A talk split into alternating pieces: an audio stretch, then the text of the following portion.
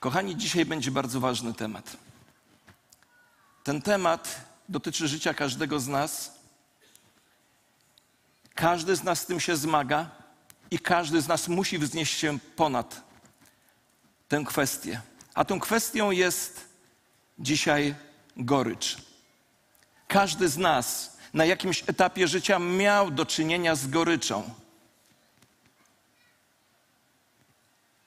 I myślę, że nie mylę się, wypowiadając takie zdanie. Bóg nas wzywa do tego, żebyśmy się wznieśli ponad gorycz, ponieważ ona niszczy życie nie tylko nas, nasze, ale życie, niszczy życie także ludzi, którzy są wokół nas. Stąd też tak bardzo ważna jest ta kwestia. To, czym będę się dzielił, płynie z Bożego Słowa, z mojego własnego doświadczenia, a także inspiruje mnie pewien kaznodzieja, który, którego Bóg używa do tego, by otwierać moje serce na Boże Słowo. Stąd rzeczy, które będę mówił, nie do końca sam wymyśliłem, ale przeżyłem, stąd z serca będę dzielił się tym tak ważnym tematem. Dlatego proszę Was o szczególną uwagę, ponieważ jeśli uda nam się uchwycić te rzeczy, które dzisiaj będą przekazywane i wprowadzić w życie, to naprawdę będzie nam się żyło o wiele łatwiej, chociaż w życiu nie chodzi o to, żeby żyło się łatwiej, ale żeby Bogu oddawać chwałę, a samemu doświadczać tego Bożego spełnienia, które Bóg ma dla każdego z nas. Kiedy doświadczamy życiowych tragedii, stajemy wówczas w obliczu dwóch bardzo ważnych pytań. Pytanie pierwsze: dlaczego tak się stało? A drugie pytanie, gdzie w tym wszystkim jest Bóg? Zapamiętajcie te dwa pytania. Dlaczego tak się stało? To pierwsze pytanie, a drugie pytanie, gdzie w tym wszystkim jest Bóg? Zazwyczaj to drugie pytanie, gdzie w tym wszystkim jest Bóg, jest trudniejsze od pierwszego. Bo większość z nas wie, że dopóki żyje na Ziemi, nigdy nie otrzyma ostatecznej odpowiedzi na dużą część pytań, które rozpoczynają się od słowa dlaczego. A w wielu wypadkach odpowiedź na to pytanie dlaczego pozostaje do końca naszego życia w sercu i umyśle Boga. Jednak w tym wszystkim możemy dowiedzieć się czegoś ważnego o drugim pytaniu. Gdzie w tym wszystkim jest Bóg? Bo jeśli z tym pytaniem uda nam się rozprawić, to doświadczymy zwycięstwa. A jeśli nie uda nam się rozprawić z tym pytaniem, gdzie w tym wszystkim jest Bóg, wtedy nasze życie będzie pełne goryczy, a gorycz ma to do siebie, że jest zaraźliwa, a jak mówi autor listu do Hebrajczyków, wielu może się o nią pokalać czy przewrócić, wielu tych, którzy są między nami. Od kilku lat powtarzam z ogromnym przekonaniem, że dobra teologia jest odpowiedzią na najgłębsze życiowe pytanie. Na najgłębsze życiowe pytania. To nie jest tak, że dobra teologia daje nam odpowiedzi na wszystko, co byśmy chcieli wiedzieć. Jednakże zrozumienie tego, kim jest Bóg, kim jesteśmy my i jak Bóg działa na tym świecie, bo o to chodzi w dobrej teologii, damy, daje nam ramę do przyjmowania właściwej postawy w najciemniejszych chwilach naszego życia. Dla mnie osobiście dużą pomocą w zrozumieniu tego, gdzie Bóg jest w tragicznych momentach naszego życia, choć nie tylko w tragicznych, jest historia patriarchy Józefa ze Starego Testamentu. Ta historia jest zapisana w Księdze Rodzaju w 45 rozdziale i dostarcza ona bardzo unikatowego wglądu w to, jak Bóg działa poprzez złoczyńców i jak Bóg działa poprzez trudne okoliczności, aby osiągnąć swoje cele. To jest historia, która mówi o tym, jak Bóg działa, między innymi o tym, poprzez złoczyńców i jak Bóg działa poprzez trudne okoliczności, żeby osiągnąć swoje cele. Wiecie, ta historia to jest jak skarbnica ukrytych boskich tajemnic, tajemnic Bożej opatrzności. Ponieważ ta historia pokazuje, że we wszechświecie dzieje się o wiele więcej niż nam się kiedykolwiek wydawało, ponieważ nasz ogląd jest ograniczony. I mając to na uwadze, co do tej pory powiedziałem, spróbujemy sobie odpowiedzieć na pytanie, w jaki sposób Bóg realizuje swoje plany wobec naszego życia. A odpowiedź brzmi, że Bóg realizując swoje plany wobec nas, używa czasami przeciwności, których doświadczamy, i złego traktowania nas przez innych, które także bywa naszym udziałem. Kiedy jednak przechodzimy przez życiowe prze przeciwności, zdrady, fałszywe oskarżenia, to może nam się wówczas wydawać, że takie rzeczy nie mogą przynieść nam nic dobrego, a jednak prawda jest taka, że często przynoszą.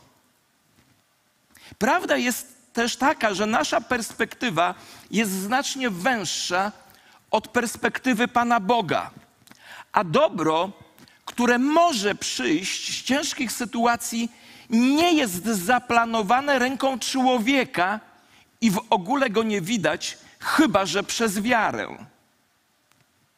To będzie trudny temat. Proszę Was o wyjątkową koncentrację. Jednak Bóg ujmuje się za nami pośród okoliczności życia. Oznacza to, że Bóg angażuje się nawet wtedy, gdy my myślimy, że nic się nie dzieje.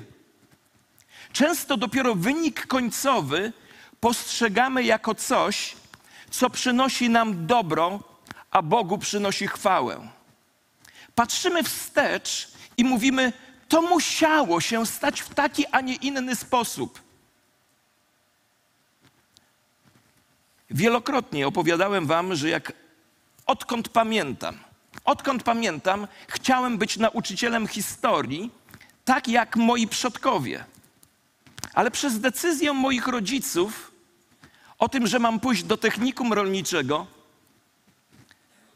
w którym przez pięć lat wiedza z historii, moja wiedza z historii na pewno nie wzrosła, jeśli nie zmalała, co wykazał nieznany, niezdany egzamin na historię, to, całe wydarzenie w moich oczach wówczas było jako moja życiowa, osobista porażka. Jednak kilka miesięcy później zdałem na kierunek, na który nie chciałbym pójść, gdybym miał sam dokonać wyboru.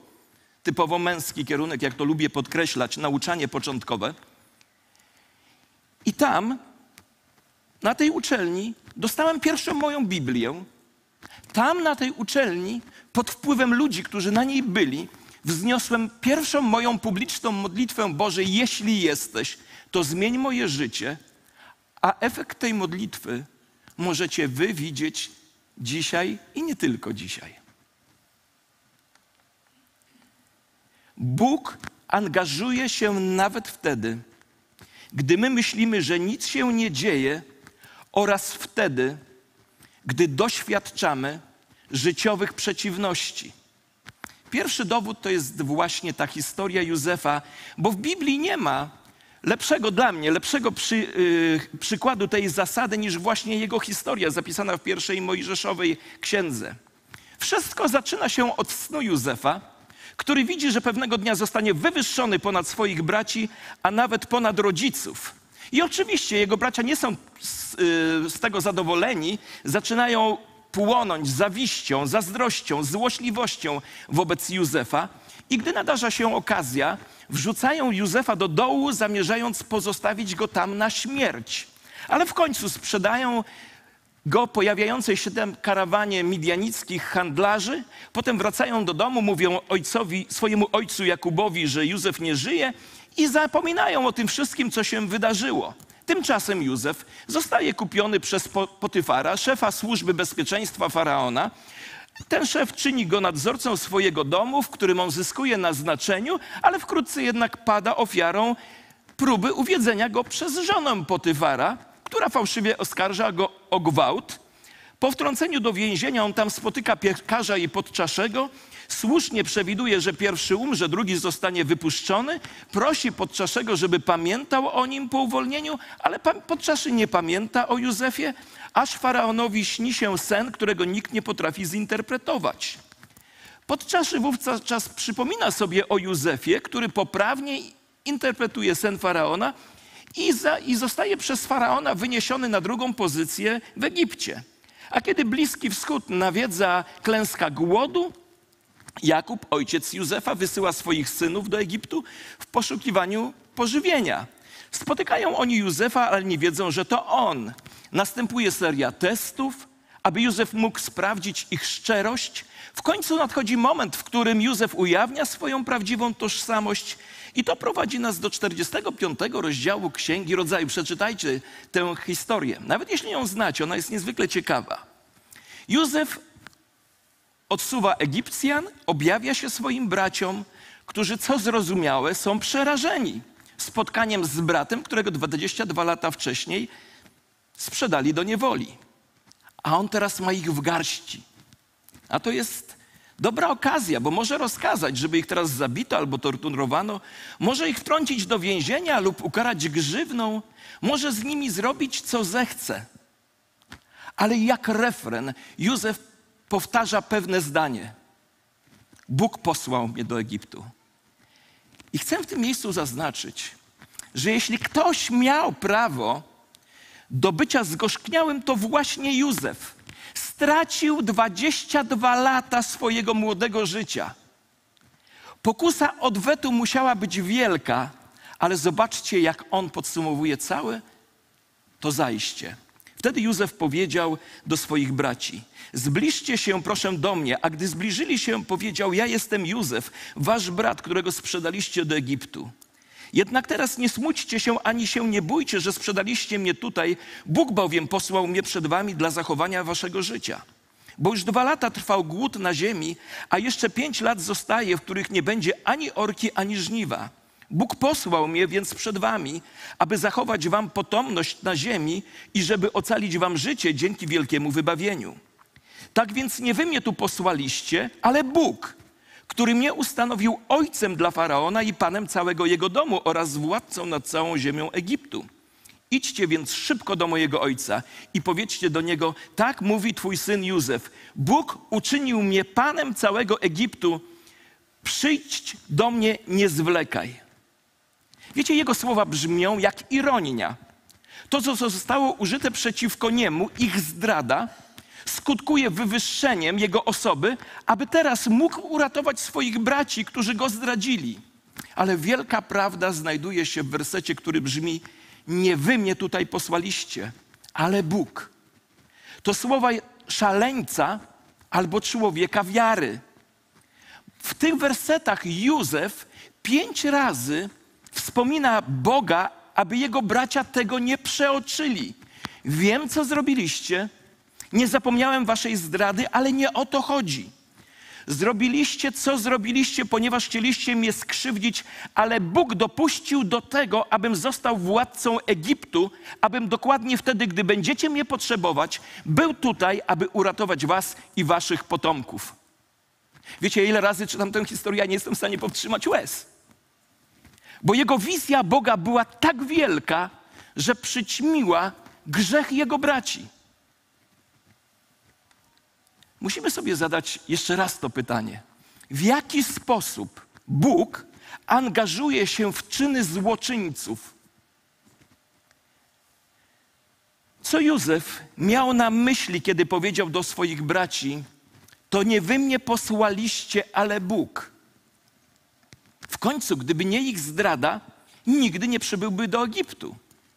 Jak więc święty Bóg realizuje swoje plany względem nas poprzez uczynki złych ludzi? Powiem Wam szczerze, że łatwiej na to pytanie jest odpowiedzieć przecząco. Bóg nie jest autorem zła, ani nie kusi nas do czynienia zła, mówi apostoł Jakub w swoim liście. To, co bracia zrobili Józefowi, niewątpliwie było złe, ale on się nie rozwodzi nad tym. W pewnym sensie musimy powiedzieć, że Bóg nie jest przyczyną zła, ani wspólnikiem w czynieniu zła, ale w jakiś trudny do ujęcia i zrozumienia sposób jest zamieszany w złe uczynki ludzi, nie będąc ich twórcą. On nie skłania grzeszników do grzechu, ale to, co robią, wpisuje się w jego ostateczny plan. Zobaczcie, co między innymi osiągnął Bóg poprzez dopuszczenie do tej trudnej sytuacji. Po pierwsze, pozwolił, aby ujawniło się to, co jest w sercach braci Józefa. Często przez takie sytuacje Bóg pokazuje, co jest w sercu człowieka. Bracia Józefa kierowali się złością, kierowali się zawiścią, nie mogli znieść, znieść myśli, że ich młodszy brat pewnego dnia będzie nimi rządził. Bóg po prostu da, dał im szansę ujawnienia zawiści, która już była w ich sercach. Dopóki byli pod bezpośrednią kontrolą Jakuba, Józef był bezpieczny. Ale kiedy zabierali trzody daleko od domu, a Józef przyszedł, aby ich znaleźć, ukryta zazdrość wypłynęła na powierzchnię. Początkowo planowali zostawić go, by umarł w dole, ale Bóg zainterweniował i przybyli midianiccy handlarze. A wraz z rozwojem historii na scenę wkraczają inni. Najpierw Potyfar, potem jego żona, piekarz, podczaszy, a jeszcze później faraon. Posłuchajcie tego ważnie. Ci wszyscy wymienieni przeze mnie ludzie działali zgodnie ze swoimi skłonnościami, ale także wszyscy oni działali zgodnie z Bożym zamysłem, z Bożym planem. Bóg nie wzbudził w braciach Józefa zazdrości. Bóg nie wzbudził w sercu żony Potyfara pożądania. Bracia Józefa i żona Potyfara zrobili to sami. Bóg dał im szansę działać zgodnie z ich intencjami. Czyniąc to, pozwolił ujawnić zło, które już było w ich sercach. Mówiłem, że to jest trudny temat, ale tak to jest. I to właśnie miał na imię między innymi Jezus, gdy powiedział do Piłata: Nie miałbyś nade mną żadnej władzy, gdyby nie dana ci była z góry. Nikt byś nie mógł zrobić. Po pierwsze, przez tę sytuację Bóg pozwolił, aby ujawniło się, co jest w sercach tych ludzi. Po drugie, posłuchajcie do końca. Bóg pozwolił szatanowi podżegać do zła. Wiecie, szatan to lew ryczący, grasuje po świecie, szukając tych, których może zniszczyć. O tym mówi apostoł Piotr. Ale chociaż posiada wielką moc, nie może nic zrobić bez wyraźnego dozwolenia, przyzwolenia przez Boga. W księdze Hioba, w pierwszym rozdziale, to Bóg mówi diabłu, aby przyjrzał się jego słudze Hiobowi. Szatan nie może dotknąć Hioba poza granicami ustanowionymi przez Boga. Diabeł jest potężny, ale nie wszechmocny. Ma ogromną wiedzę, ale nie jest wszechwiedzący. I chcę Wam powiedzieć, nie jest wszechobecny. Kilka godzin przed tym, jak Jezus został zdradzony, powiedział Piotrowi, że szatan poprosił o pozwolenie, aby mógł ich przesiać jak pszenicę, co oznacza, że szatan nie może kusić nikogo do zła bez Bożego przyzwolenia. Słuchajcie do końca. Szatan działa w granicach narzuconych przez Boga. I powiem Wam szczerze, że to zarówno jest pocieszenie, jak i ostrzeżenie. Pociechą jest świadomość, że nasze pokusy nie zdarzają się przypadkowo. Pamiętacie, kiedyś Wam opowiadałem sytuację, kiedy będąc y, na studiach, przyjechałem do mojej rodzinnej miejscowości, chciałem koniecznie y, wyjechać sobie na, kilku, na, na, na jednodniową wycieczkę do Warszawy, ale nie miałem pieniędzy. Gdy przyjechałem na wieś, mój kolega akurat był na przepustce z wojska i zaprosił mnie do restauracji. W naszej wsi była restauracja o wdzięcznej nazwie Jutrzenka. Poszliśmy tam razem i w pewnym momencie zobaczyłem pod stołem 100 złotych. To tyle, ile potrzebowałem na wyjazd do Warszawy. I wiedziałem, skąd to 100 złotych się tam wzięło. Stanąłem przed wyzwaniem. Już wiecie jakim. To był dla mnie test, co jest tak naprawdę w moim sercu. Bo mogłem schylić się, schować do kieszeni i pojechać do Warszawy. Lub mogłem to zwrócić mojemu koledze, bądźcie spokojni, zwróciłem. Nasze pokusy nie zdarzają się przypadkowo. Są dozwolone przez Ojca Niebiańskiego. Ale jak mówiłem, jest także ostrzeżenie. A ostrzeżenie jest takie: Bóg pociąga nas do odpowiedzialności za to, jak zareagujemy. Nikt nigdy nie będzie w stanie uniknąć sądu, mówiąc: Diabeł mnie do tego zmusił. To nie jest tak. On mógł cię kusić, ale to ty sam zgrzeszyłeś. Po pierwsze więc, Bóg pozwolił, aby ujawniło się to, co jest w sercach tych złych ludzi. Po drugie, Bóg pozwolił szatanowi podżegać ich do zła. I po trzecie, chciałbym, żebyście to dobrze też uchwycili. Bóg wycofuje swoją powstrzymującą łaskę. To jest taki zwrot teologiczny, który zaczerpnąłem od mojego ulubionego kaznodziei. Łaska powstrzymująca oznacza po prostu, że Bóg nie pozwala, by sprawy nie potoczyły się tak źle, jakby to mogło być, mieć miejsce, gdyby Bóg tego nie powstrzymał. Na tym polega łaska powstrzymująca. Gdyby Bóg sobie odpuścił i pozostawił biegowi spraw rzeczy, byłaby katastrofa, ale jest coś takiego jak łaska powstrzymująca, która sprawia, że Bóg zatrzymuje pewne rzeczy. Ale kiedy Bóg nie obdarza łaską powstrzymującą, wszystko się rozpada. List do Rzymian, pierwszy rozdział, mówi nam, że Bóg osądza niewierzącą ludzkość, wydając ich na pastwę wypaczonego umysłu. Posłuchajcie uważnie. Czasami nad najbardziej surowym sądem Boga nad grzesznikiem jest to, że Bóg nie robi niczego. Bóg mówi tak: jeśli chcesz żyć i zniszczyć swoje własne życie, to rób to śmiało. Jeśli chcesz zniszczyć własną rodzinę, śmiało. Już cię nie, nie, nie zatrzymam. Już mnie odrzuciłeś, więc teraz uszanuję Twoją decyzję. Jeśli chcesz skoczyć z bloku piętrowego, trudno, ale pamiętaj, że chodnik na dole jest twardy.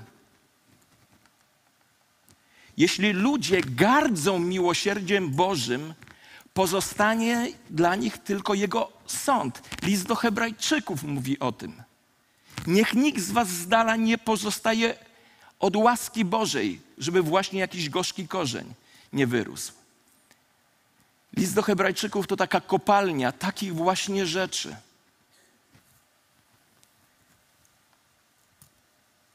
Wiem, że czasami mamy kłopot z niektórymi tekstami Biblii, ale chcę Wam powiedzieć, że Bóg oślepia oczy tych, którzy nie chcą widzieć. I zatwardza serca tych, którzy wolą iść własną drogą. Bóg mówi: To jest Twój wybór. Łamiesz prawo, to jest konsekwencja. Dlatego Wiele razy Biblia mówi o tym, żebyśmy nie pozostawali daleko od Bożej łaski, od Bożego miłosierdzia. Przez te sytuacje, po pierwsze, Bóg pozwolił, aby ujawniło się, co, to, co jest w ich sercach. Po drugie, pozwolił szatanowi podżegać ich do zła. Po trzecie, wycofuje swoją podwstrzymującą łaskę. Teraz już ponosisz konsekwencje swoich decyzji. To jest Twój wybór własny. I po czwarte, Posłuchajcie, Bóg używa złoczyńców i diabła do realizacji własnych celów. Wiecie, czasami Bóg wykorzystuje złe uczynki ludzi, aby realizować swoje własne plany na świecie. Kiedy narodził się na przykład Chrystus, Bóg Ojciec wykorzystał paranoję Heroda Wielkiego, aby poprowadzić mędrców do Betlejem. Później wykorzystał rzeź niewiniątek, którą, na którą rozkaz wydał Herod, aby poprowadzić Marię, Józefa i Jezusa do Egiptu, aby wypełniło się pismo, które mówi, że z Egiptu wyzwałem mojego syna. A widzimy to jeszcze wyraźniej w wydarzeniach związanych ze śmiercią Chrystusa. Pomyślcie nad takim pytaniem. Kto zabił Jezusa? Czy zabili go Żydzi? W pewnym sensie tak. Czy, żywo, czy żydowscy przywódcy zabili Jezusa? W pewnym sensie tak. A co z Rzymianami? Byli jedynymi, którzy mieli prawo skazać kogoś na śmierć. I to zrobili. A co z centurionami? To oni dokonali ostatecznego, dosłownego aktu ukrzyżowania. A w szerszym sensie, czyż nie cała grzeszna ludzkość, w tym ty i ja, nie jesteśmy winni śmierci Jezusa? Czy to nie nasze grzechy pozostawiły go na krzyżu? Wiecie, w śmierci Jezusa jest wiele poczucia winy. Ale co z Bogiem? Chociaż on nie może być winny śmierci Chrystusa, to czy śmierć Jezusa nie była jego planem od początku?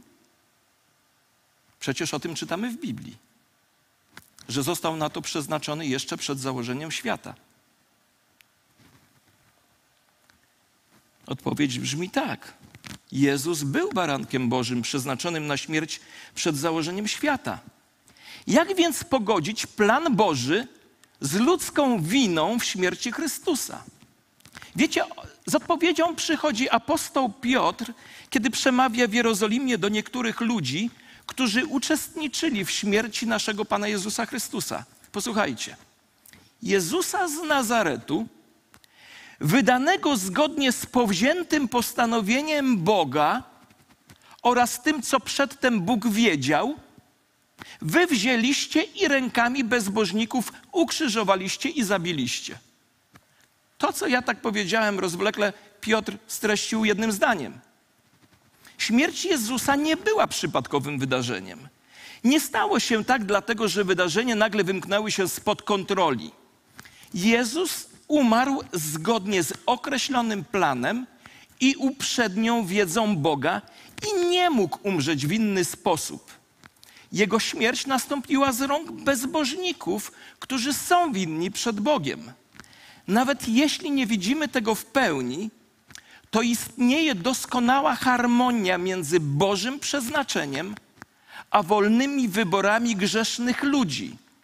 W przypadku Chrystusa Bóg użył nikczemnych uczynków niegodziwych ludzi, aby ukrzyżowali Jego Syna, dzięki czemu przyniósł On zbawienie światu.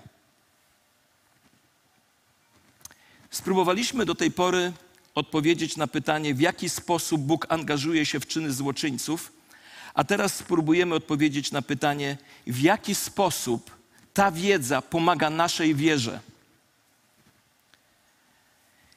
Bo niektórym z Was może się wydawać, że przez to, co do tej pory powiedziałem, próbuję zakwestionować Boga, obarczając go odpowiedzialnością za zło, które dzieje się na świecie, ale tak nie jest. Prawda jest zupełnie inna. Zrozumienie, że Bóg jest blisko nas i jest zaangażowany nawet w najgorsze rzeczy, które się zdarzają, uwalnia nas od zmartwień, wątpliwości i strachu. Czy to usprawiedliwia grzech? Zupełnie nie. Jednak znajomość tej prawdy przynosi dobro naszej duszy i wielką cześć naszemu Bogu, bo ta prawda i Bóg prowadzi nas do tego, że po pierwsze, wiedząc to, co do tej pory powiedziałem, wiemy, że nasze kłopoty nie są przypadkowe. Kiedy skupiamy się na bezpośrednich przyczynach, wpadamy w rozpacz, wpadamy w gniew, wpadamy w gorycz. Mat bardzo łatwo jest myśleć tylko o ludziach, którzy nas głęboko zranili. Ale dopóki skupimy się wyłącznie na ludziach, którzy nas skrzywdzili, jesteśmy skazani na życie w goryczy. O wiele lepiej będzie, kiedy zrozumiemy, że nasi wrogowie, którzy często są naszymi najbliższymi przyjaciółmi, są w rzeczywistości narzędziami w ręku Boga. Są Jego laską, która służy do tego, by nas korygować i kształtować na obraz Jezusa Chrystusa. I tu jednak trzeba dodać, że cele Boga i ich cele są bardzo różne. Nasi wrogowie chcą nas skrzywdzić, ściągnąć w dół, głęboko nas zranić i zniechęcić nas, abyśmy się poddali. Ale Bóg nie czyni tego z tych powodów. On pozwala naszym wrogom szydzić z nas i dręczyć nas, ale cele Jego są wyższe i szlachetniejsze. Ostatecznie Bóg pozwala, by ich nieżyczliwość często nas upokorzyła, złamała naszą pychę i spowodowała, że będziemy wołali do Niego o miłosierdzie i wybawienie. Ich zamiary, a zamierzenia Boga to są dwie różne rzeczy. Nigdy nie zapominaj o tym fakcie. Nasi wrogowie są w rękach Boga. Nie martw się, Bóg z nimi postąpi sprawiedliwie. A my przez to, czego doświadczyliśmy, zostaniemy udoskonaleni. Nasza wiara będzie silniejsza, a nasze poleganie na rzeczach tego świata zmniejszy się. A Bóg, jak mówi psalmista, stanie się naszym działem. A kiedy nadejdą trudne czasy, będziemy mogli powiedzieć: To jest Bóg. Niech czyni to, o czym wie, że jest dla mnie najlepsze. Wiem, że to jest trudny temat. Ale gdy Hiob stracił praktycznie wszystko, oświadczył: Pan dał, Pan też wziął, niech imię Pana będzie błogosławione. I odnosi się to do nas wszystkich, kiedy widzimy rękę Bożą w próbach, jakie przychodzą na nasze życie. Po pierwsze, widzimy, że nasze kłopoty nie były przypadkowe. Po drugie, widzimy dobro tam, gdzie inni widzą tylko zło. Sekret Józefa był taki, że wszędzie widział Boga. W ten sposób mógł powiedzieć swoim braciom: To nie wy, ale Bóg posłał mnie do Egiptu. I to samo dotyczy uwiedzenia jego przez żonę Potyfara, fałszywego osądzenia o gwałt, lata spędzonych w więzieniu. Wszystko to z powrotem odnosi się do Bożych celów dla jego życia. I żeby to zrozumieć, warto sobie uzmysłowić, że Józef mówiąc, Bóg tam był, kiedy działy się te wszystkie złe rzeczy, chce powiedzieć tak, że Bóg był, był odpowiedzialny za ten proces. To nie jest tak, że bracia sprzedali go do niewoli, a potem Bóg interweniował, aby obrócić to w dobro. Jego słowa mówią coś więcej. Józef mówi tak: Wszystko, co się wydarzyło, zarówno dobro, jak i zło, było częścią ostatecznego planu Boga dla mojego życia. Został wysłany do Egiptu, aby ratować życie swojej własnej rodziny, tych samych braci, którzy go zdradzili. Taki był Boży plan od początku, i ten fakt wyjaśnia wszystko, co mu się przydarzyło. Wiecie, cóż to za głębokie spojrzenie Józefa na Bożą suwerenność, że Bóg czyni to, co zechce. Bo często jest tak, że dopiero pod koniec próby, patrząc wstecz, widzimy, że nawet najgorsze chwile prowadzą do czegoś o wiele lepszego. Już zbliżam się do końca. Słuchajcie, ja zdaję sobie sprawę, że to jest bardzo trudne, że zostawię was więcej z pytaniami, z większością pytań niż z odpowiedziami. Ale moim zdaniem jest to jeden z najtrudniejszych, ale najważniejszych tematów. Zbawienie jest ważniejsze oczywiście, ale to jest niezwykle ważny temat. Po pierwsze, myśląc w taki sposób, widzimy, że nasze kłopoty nie były przypadkowe. Po drugie, widzimy dobro tam, gdzie inni widzą tylko zło. Ja znam takie świadectwo, jak ktoś powiedział: Chwała Bogu, że złamałem nogę. Trafiłem do szpitala, powiedzieli mi Ewangelię. Ktoś powie, ale to jest złe świadectwo, to nie, tak Bóg nie działa. Bóg nie złamał mu nogi, ale Bóg wykorzystał to, że trafił do szpitala, by on usłyszał Ewangelię.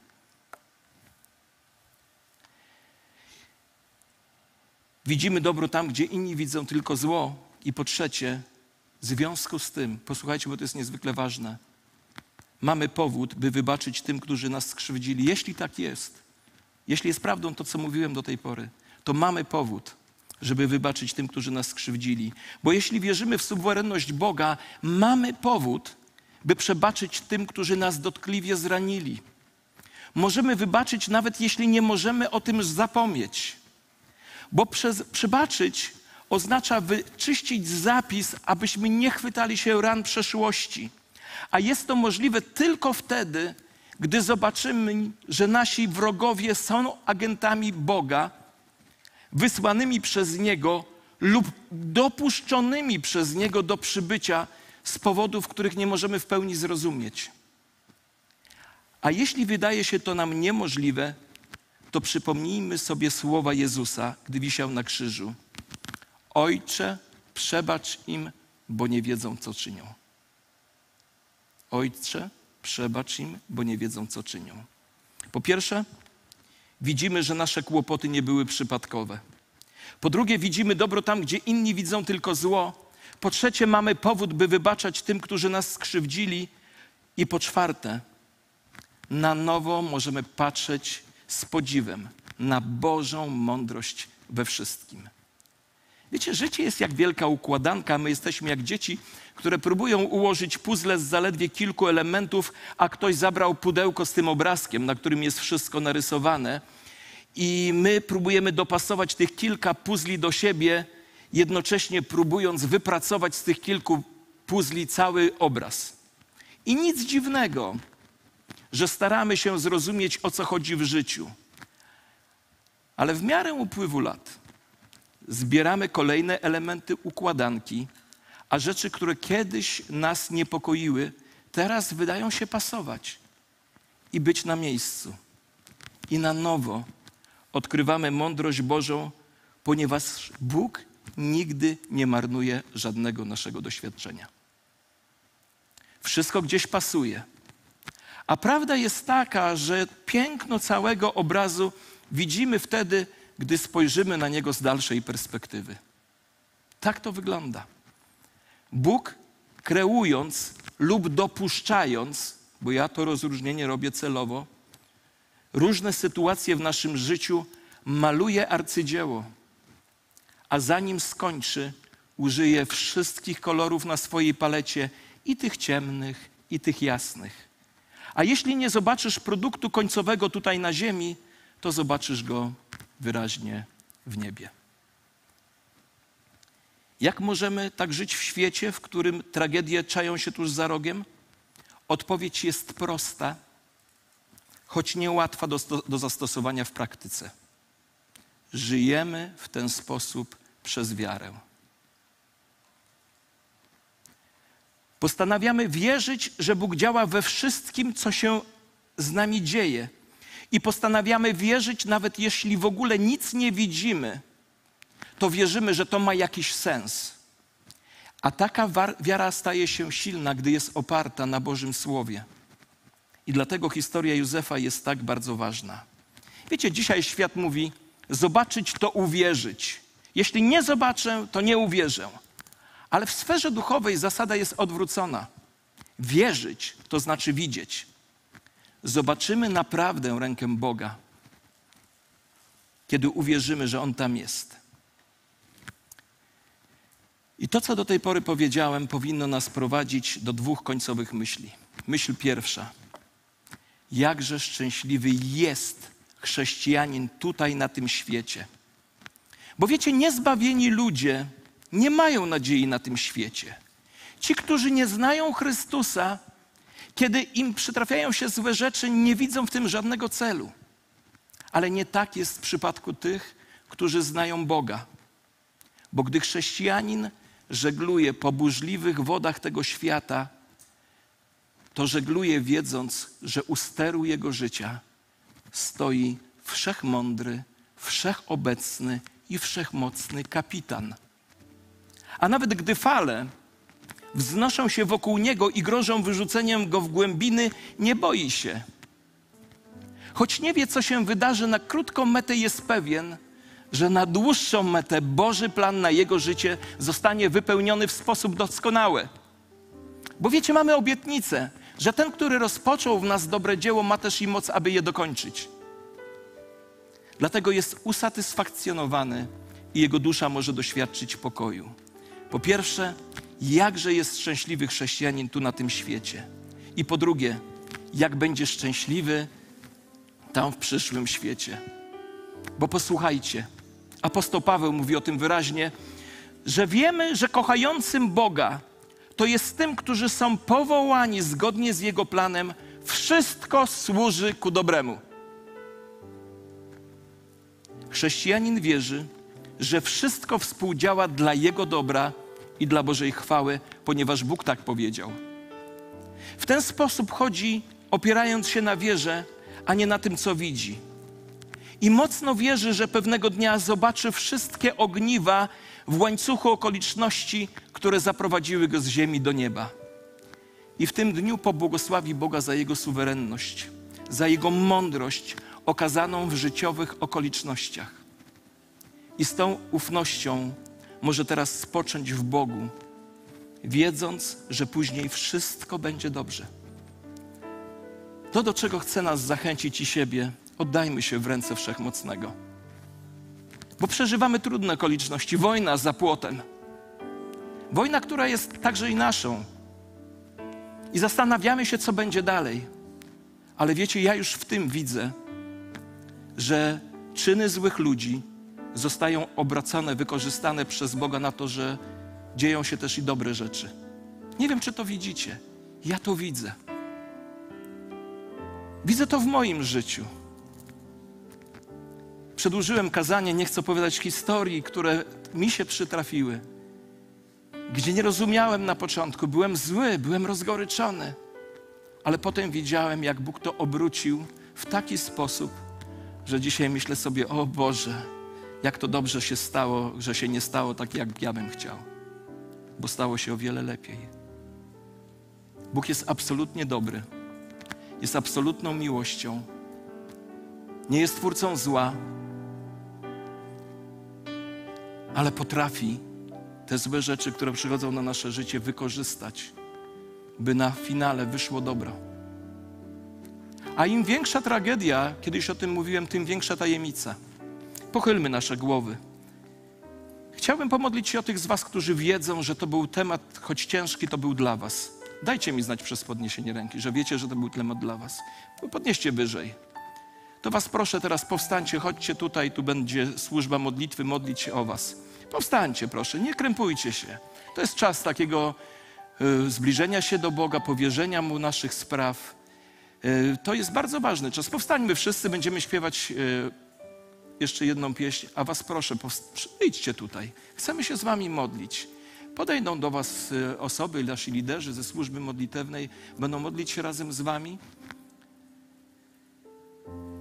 Zapraszam, podejdźcie tutaj, a my będziemy śpiewać dla Bożej chwały. Nie stójcie tu w przejściu, po, po, wyjdźcie bliżej, tak, tak, bo, bo tu jeszcze idą osoby z tyłu. Będziemy się z Wami modlić. Jeśli wiesz, że dzisiaj Bóg przemówił do Ciebie i chcesz modlitwy, przyjdź tutaj, będziemy modlić się razem z Tobą, a Ciebie, Boże, błogosławimy, dziękujemy Ci za Twoją mądrość i że choć wiele z tych rzeczy jest niezrozumiałych dla nas, Panie, to dziękujemy Ci, że Ty jesteś dobrym Bogiem i wszechmocnym Panem. Amen.